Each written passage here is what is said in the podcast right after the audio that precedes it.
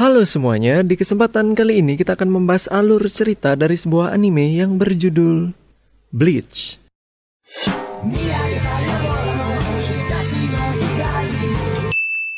Pada kesempatan kali ini, kita akan membahas salah satu dari the big three anime pada masanya, yaitu Bleach. Kalau kalian udah nonton anime Naruto dan One Piece dari awal-awal, kemungkinan besar kalian juga akan pernah dengar anime Bleach ini. Nah, berhubung animenya bakal lanjut lagi tahun ini, tetapi terpaksa ditunda gara-gara si virus Koyona ini, jadi kita akan membahas animenya tahun depan. Jadi kita akan tetap membahas animenya untuk mengurangi rasa kangen kita terhadap anime yang satu ini. By the way, sedikit disclaimer, pada pembahasan kali ini admin fokus pada alur ceritanya saja, jadi admin mohon maaf jika banyak karakter yang di skip. Dan satu lagi, seperti biasa, kalau ada kesalahan di videonya, langsung aja disikat kolom komentarnya. Sebelum kita mulai ke alur ceritanya, admin akan menjelaskan beberapa hal penting tentang dunia Bleach. Yang pertama yaitu tentang para Hollow. Sebelum bisa mengerti tentang apa itu Hollow, kalian harus mengetahui apa itu Places atau Wallace. Jadi di dunia Bleach ini, para roh manusia memiliki sebuah rantai yang disebut sebagai rantai takdir yang akan menghubungkan mereka dengan tubuhnya. Setelah seseorang mati, rantai takdir ini akan terputus dari tubuhnya dan para roh gentayangan ini kemudian disebut sebagai places. Pada umumnya, para places ini akan pergi ke Soul Society, yaitu tempat singgah bagi para arwah sebelum akhirnya bereinkarnasi kembali menjadi manusia. Tetapi ada juga beberapa places yang terikat dengan dunia manusia karena mereka mungkin memiliki sebuah dendam, penyesalan, ataupun alasan lainnya. Seiring berjalannya waktu, rantai takdir dari para places yang gentayangan ini akan mulai mengkarat dan setelah rantainya hancur, mereka akan berubah menjadi arwah jahat yang dikenal sebagai Hollow. Para Hollow ini sebenarnya memiliki tempat tinggal di Hueco Mundo yang terletak di antara Soul Society dan juga dunia manusia, tetapi mereka juga akan pergi ke dunia manusia untuk memakan para plases ataupun jiwa manusia yang masih hidup. Yang kedua yaitu tentang Shinigami. Jadi para Shinigami atau dewa kematian ini awalnya merupakan para roh yang memiliki Reiatsu atau kekuatan spiritual yang besar. Para roh-roh tersebut kemudian akan dilatih di sebuah akademi untuk akhirnya lulus dan menjadi seorang Shinigami. Para Shinigami ini bertugas untuk mengirim para places menuju Soul Society dan juga memurnikan para Hollow untuk akhirnya mengirim mereka menuju Soul Society ataupun juga menuju neraka. Para Shinigami ini juga tinggal di Soul Society dan mereka juga memiliki pedang yang disebut sebagai Sanpakuto yang akan digunakan untuk mengirim para places menuju Soul Society ataupun juga akan digunakan untuk melawan para Hollow. Selain para Shinigami ini, sebenarnya juga ada para Quincy, yaitu para manusia yang bisa melihat para Hollow dan juga menghancurkannya.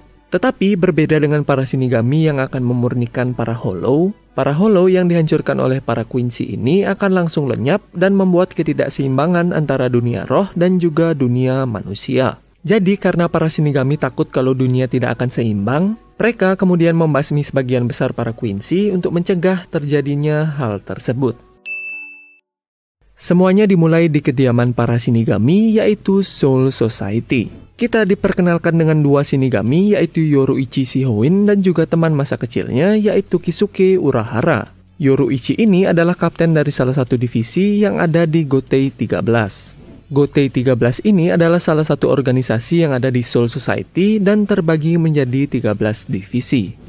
Nah, masing-masing dari divisi ini dipimpin oleh seorang kapten yang salah satunya adalah si Yoruichi ini. Dan berhubung ada lowongan kapten yang kosong, Yoruichi kemudian merekomendasikan Urahara untuk menjadi kapten dari divisi 12. Setelah menjadi kapten, Urahara yang juga merupakan seorang ilmuwan, kemudian membuat sebuah badan penelitian yang bernama Shinigami Research and Development Institute yang bertujuan untuk membuat alat-alat dan juga teknologi spiritual untuk membantu para Shinigami dalam menjalankan tugasnya. Sembilan tahun setelah promosi Urahara, terjadi sebuah kasus aneh yaitu menghilangnya beberapa Shinigami dan juga beberapa roh yang ada di Soul Society. Urahara didatangi oleh Shinji Hiraku yaitu kapten dari divisi 5 bersama wakilnya yaitu Sosuke Aizen untuk memberitahu Urahara tentang kasus yang sedang terjadi. Shinji akhirnya pergi untuk menyelidiki kasusnya dan dia diserang oleh Shinigami yang telah diubah menjadi Hollow. Singkat cerita, Shinji terkena proses holofikasi yaitu sebuah proses pengubahan Shinigami untuk menjadi seorang Hollow. Shinji akhirnya menyadari kalau orang di balik insiden ini adalah wakilnya sendiri yaitu Aizen bersama anak buahnya yaitu Gin dan juga Kaname. Untungnya Urahara bersama teman Shinigaminya yaitu Tesai akhirnya datang untuk menyelamatkan Shinji dan juga Shinigami yang lainnya. Urahara kemudian menggunakan sebuah alat bernama Hogyoku untuk membalikkan efek dari proses holofikasinya. Hogyoku ini adalah alat yang bisa menghancurkan batas antara Shinigami dan juga Hollow, sehingga para Shinigami ini bisa mendapatkan kekuatan para Hollow ataupun juga sebaliknya. Hogyoku awalnya diciptakan oleh Aizen untuk melakukan proses holofikasi, tetapi untungnya Urahara juga berhasil membuat Hogyokunya dan menggunakannya untuk membalikkan efek dari proses holofikasinya. Sayangnya, Urahara gagal untuk menghilangkan efek holofikasinya, tetapi dia berhasil membuat para Shinigami bisa mengontrol kekuatan Hollow-nya. Para Shinigami yang bisa mengontrol kekuatan Hollow ini nantinya akan dikenal dengan sebutan Vizord atau Vizard. Keesokan harinya, Urahara dan Tesai dibawa ke pengadilan para Shinigami karena mereka dituduh sebagai pelaku dari insiden holofikasinya. Untungnya mereka berdua akhirnya berhasil diselamatkan oleh Yoruichi. Urahara bersama Tesai dan ke-8 Vizard kemudian memutuskan untuk pergi ke dunia manusia dengan menggunakan Gigai, yaitu semacam tubuh buatan agar mereka bisa tinggal di dunia manusia. Sedangkan untuk Yoruichi, dia kemudian berkata pada Urahara dan Tesai kalau dia juga akan berusaha kabur dari Soul Society. 100 tahun telah berlalu dan kita diperkenalkan dengan pemeran utama kita dari anime ini yaitu Ichigo Kurosaki yang berumur 15 tahun. By the way, sedikit fun fact tentang nama Ichigo. Ichigo itu sebenarnya berarti strawberry dalam bahasa Jepang, dan itulah mengapa manga chapter pertama Bleach itu berjudul The Dead and the Strawberry. Oke lanjut ke ceritanya, kita diperlihatkan Ichigo yang sedang bersantai di kamarnya. Tak lama kemudian, Ichigo tiba-tiba didatangi oleh Shinigami cantik bernama Rukia Kuchiki yang sedang berusaha untuk memburu seekor hollow. Pada umumnya, para Shinigami ini tidak akan terlihat oleh manusia, tetapi karena Ichigo memiliki kekuatan spiritual yang tinggi, Ichigo bisa melihat para roh seperti Shinigami dan juga Hollow. Ichigo kemudian didatangi oleh seekor Hollow yang tertarik dengan Ichigo karena si Ichigo memiliki kekuatan spiritual yang besar. Rukia lalu berusaha menyelamatkan Ichigo tetapi Rukia akhirnya terluka karena serangan dari Hollow-nya. Rukia kemudian menawarkan kekuatan Shinigaminya pada Ichigo supaya Ichigo bisa mengalahkan Hollow-nya. Ichigo tentu saja menerima tawaran dari Rukia dan Ichigo berhasil untuk mengalahkan Hollow-nya. Setelah kehilangan kekuatannya, Rukia didatangi oleh Urahara yang menawarkan sebuah gigai yaitu tubuh buatan agar Rukia bisa hidup di dunia manusia sampai kekuatannya kembali pulih. Urahara ternyata juga menanamkan Hogyuku miliknya pada gigainya karena si Urahara berniat menyembunyikan Hogyukunya untuk selama-lamanya. Keesokan harinya, Rukia mendatangi Ichigo di sekolahnya dan meminta Ichigo untuk menggantikan tugasnya sebagai seorang Shinigami. Rukia juga memberikan permen roh pada tubuh Ichigo untuk menggantikan roh Ichigo yang sedang bertugas menjadi seorang Shinigami. Singkat cerita, roh dari permennya berusaha mencuri tubuh Ichigo, tetapi untungnya Ichigo berhasil mendapatkan tubuhnya kembali. Roh dari permennya kemudian dimasukkan ke dalam sebuah boneka singa yang kita semua kenal dengan nama Kon.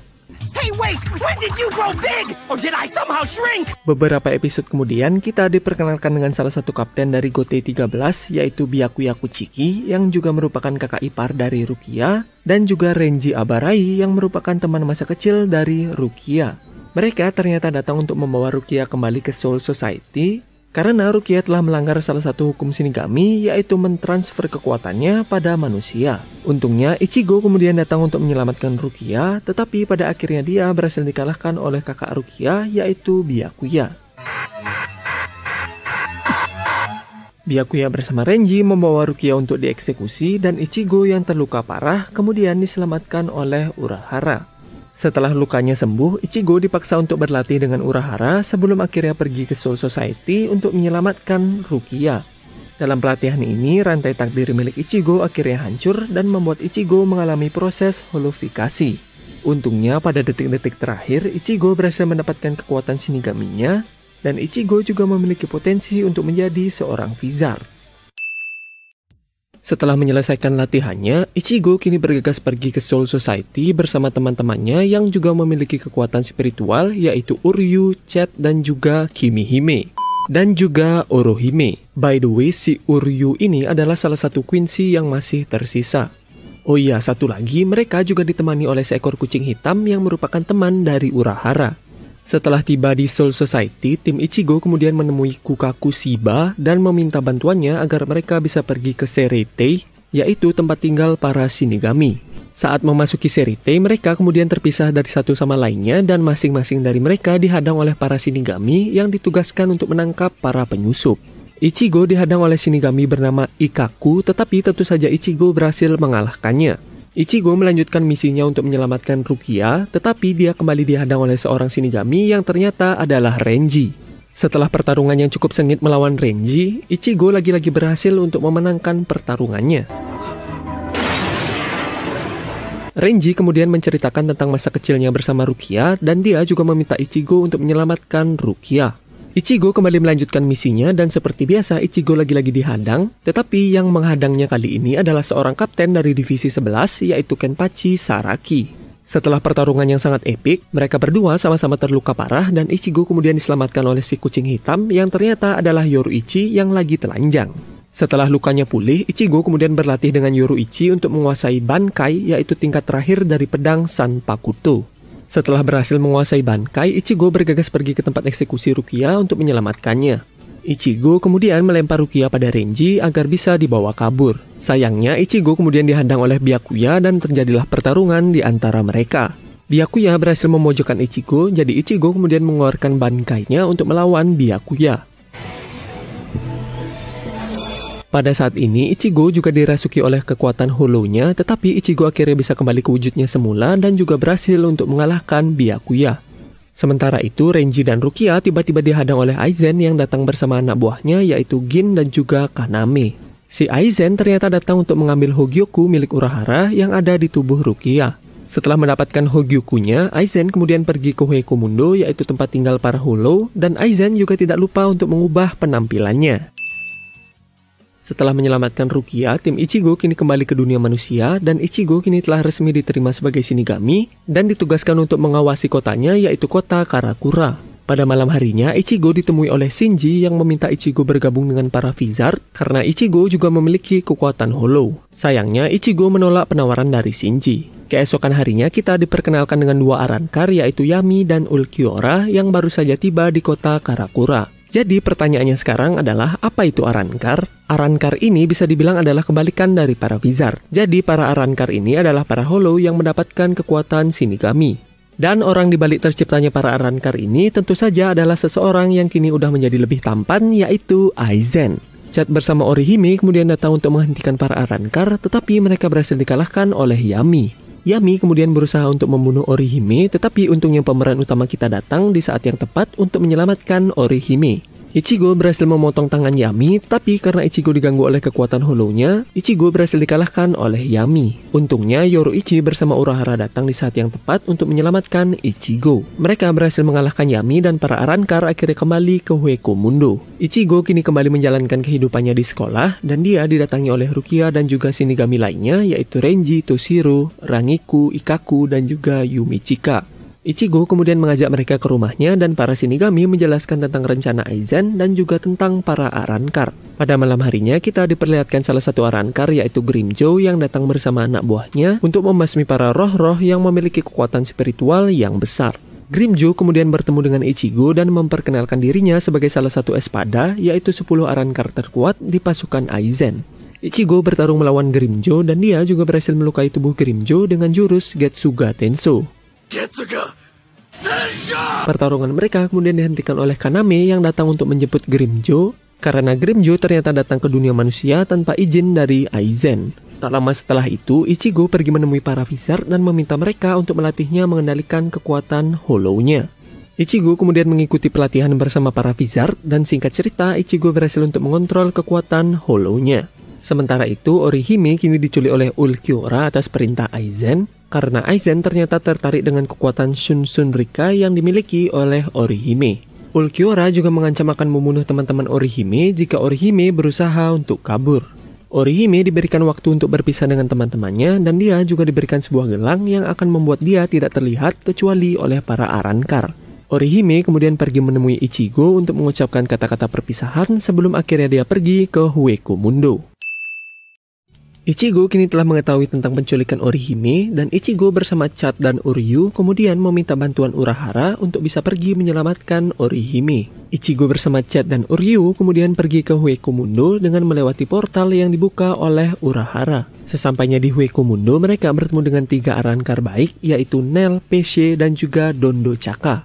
Tak lama kemudian, Renji bersama Rukia juga tiba di Huekomundo untuk membantu mereka menyelamatkan Orihime. Para Arankar baik kemudian mengantar tim Ichigo untuk pergi ke Las Noches, yaitu markas dari para Espada dan juga Aizen. Setibanya di markas Aizen, tim Ichigo terpaksa berpencar untuk mencari jalan menuju ke tempat Orihime. Ichigo kemudian dihadang oleh Ulquiorra dan singkat cerita Ichigo berhasil dikalahkan oleh Ulquiorra. Tidak disangka-sangka, Grimjo bersama Orihime datang menemui Ichigo dan Grimjo kemudian menyuruh Orihime untuk menyembuhkan luka Ichigo agar mereka bisa kembali bertarung. Ichigo lalu bertarung melawan Grimjo dan Ichigo berhasil mengalahkan Grimjo setelah menggunakan kekuatan Hollow-nya. Setelah mengalahkan Grimjo, Ichigo kembali dihadang oleh dua Arankar yaitu Noitra dan juga Tessera. Ichigo yang masih belum pulih dari pertarungannya melawan Grimjo akhirnya berhasil dikalahkan oleh Noitra dan juga Tessera. Tidak disangka-sangka Kenpachi tiba-tiba datang dan membunuh Tessera dan juga Noitra. Sayangnya Orihime akhirnya berhasil kembali diculik oleh seorang Arankar. Kenpachi ternyata datang bersama tiga kapten lainnya yaitu Unohana, Mayuri, dan juga Byakuya untuk berusaha menghentikan Aizen. Aizen lalu mengungkap tujuan sebenarnya dia menculik Orihime yaitu untuk memancing tim Ichigo dan juga para kapten untuk pergi ke Huekomundo. Aizen kemudian menutup portal yang digunakan oleh para kapten sehingga mereka kini terperangkap di Huekomundo. Aizen bersama Gin dan Kaname kini pergi menuju kota Karakura untuk membuat Oken yaitu kunci menuju tempat Soul King yaitu penguasa dari Soul Society karena Aizen berniat untuk melawan Soul King dan menggantikan posisinya sebagai penguasa Soul Society. Untuk membuat Oken ini, Aizen membutuhkan 100 ribu roh yang akan dia kumpulkan dari kota Karakura. Setibanya di kota Karakura, Aizen menyadari kalau kotanya ternyata hanyalah replika yang dibuat oleh Urahara dan para Gote 13 juga sudah berada di sana untuk menunggu kedatangan Aizen. Aizen kemudian memanggil pasukan Arankarnya untuk berperang melawan pasukan Gotei 13. Tak lama kemudian, para Vizard juga akhirnya datang untuk berusaha melawan Aizen. Kembali ke Mundo, Ulquiorra kini berniat untuk membunuh Orihime karena si Aizen sudah tidak memerlukannya lagi. Untungnya Ichigo tentu saja datang di saat yang tepat untuk menyelamatkan Orihime. Ichigo lalu bertarung melawan Ulquiorra dan Ichigo kemudian berubah menjadi wujud sempurna dari kekuatan holonya untuk bisa mengalahkan Ulquiorra. Setelah pulih dari lukanya, Ichigo bertemu dengan para kapten yang ada di Mundo dan mereka lalu menyuruh Ichigo pergi ke kota Karakura untuk membantu melawan Aizen. Ichigo lalu pergi bersama Unohana melewati portal yang dibuat oleh Mayuri. Unohana lalu memberitahu Ichigo kalau Ichigo adalah satu-satunya orang yang bisa mengalahkan Aizen karena Ichigo adalah pemeran utama dari anime ini.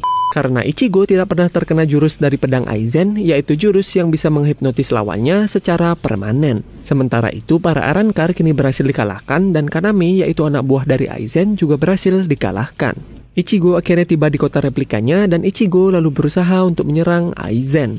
Ichigo juga dibantu oleh Gote 13 dan juga para Vizard, tetapi sayangnya mereka berhasil dikalahkan oleh Aizen. Ichigo terus berusaha untuk melawan Aizen, tetapi sayangnya serangannya tidak ada yang mempan. Aizen kemudian menunjukkan kalau dia telah menanamkan Hogyukunya pada dadanya dan membuat Aizen kini menjadi sangat overpower. Tidak disangka-sangka ayah Ichigo yaitu Isin Kurosaki tiba-tiba datang ke tempat kejadian untuk membantu Ichigo. Isin ternyata adalah seorang sinigami dan hal ini menjelaskan kenapa Ichigo memiliki kekuatan spiritual yang sangat besar. Isin lalu berduel melawan Aizen sedangkan Ichigo berduel melawan Gin. Urahara bersama Yoriichi juga akhirnya datang untuk membantu tetapi sayangnya mereka semua akhirnya berhasil dikalahkan oleh Aizen. Setelah mengalahkan semua lawannya, Aizen bersama Gin kemudian pergi ke kota Karakura yang asli untuk membuat kunci Okannya.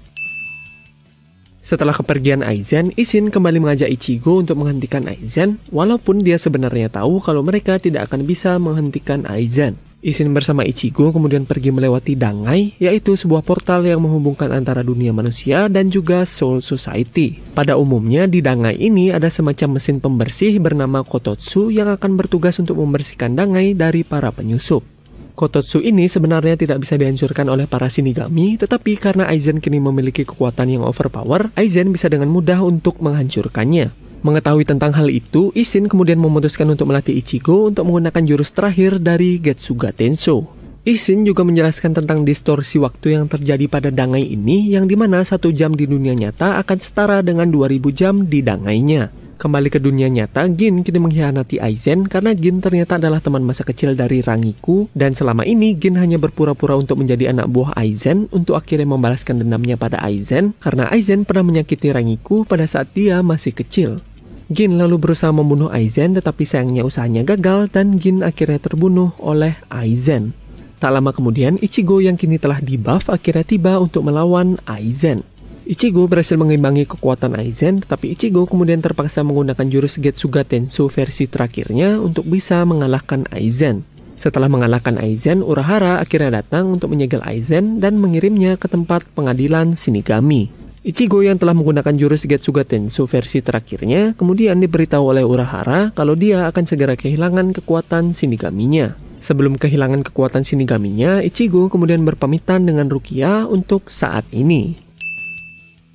Setelah kehilangan kekuatannya, Ichigo bertemu dengan seorang pria bernama Kugo Ginjo yang berkata kalau dia bisa mengembalikan kekuatan Ichigo yang telah hilang. Ichigo kemudian diajak ke sebuah organisasi bernama Execution yang akan mengetes kekuatan spiritual dari Ichigo. Singkat cerita, Ichigo akhirnya berhasil mendapatkan kekuatannya kembali, tetapi Kugo ternyata memiliki niat jahat, yaitu untuk mencuri kekuatan dari Ichigo. Untungnya Urahara bersama Isin dan Rukia akhirnya datang dan Rukia kemudian menusukkan sebuah pedang yang kemudian memberikan kekuatan spiritual pada Ichigo. Ichigo berhasil menjadi seorang Shinigami dan Ichigo akhirnya berhasil untuk membunuh Kugo. Oke guys, itulah dia alur cerita dari anime Bleach untuk saat ini. Sekian dari kami dan have a nice day.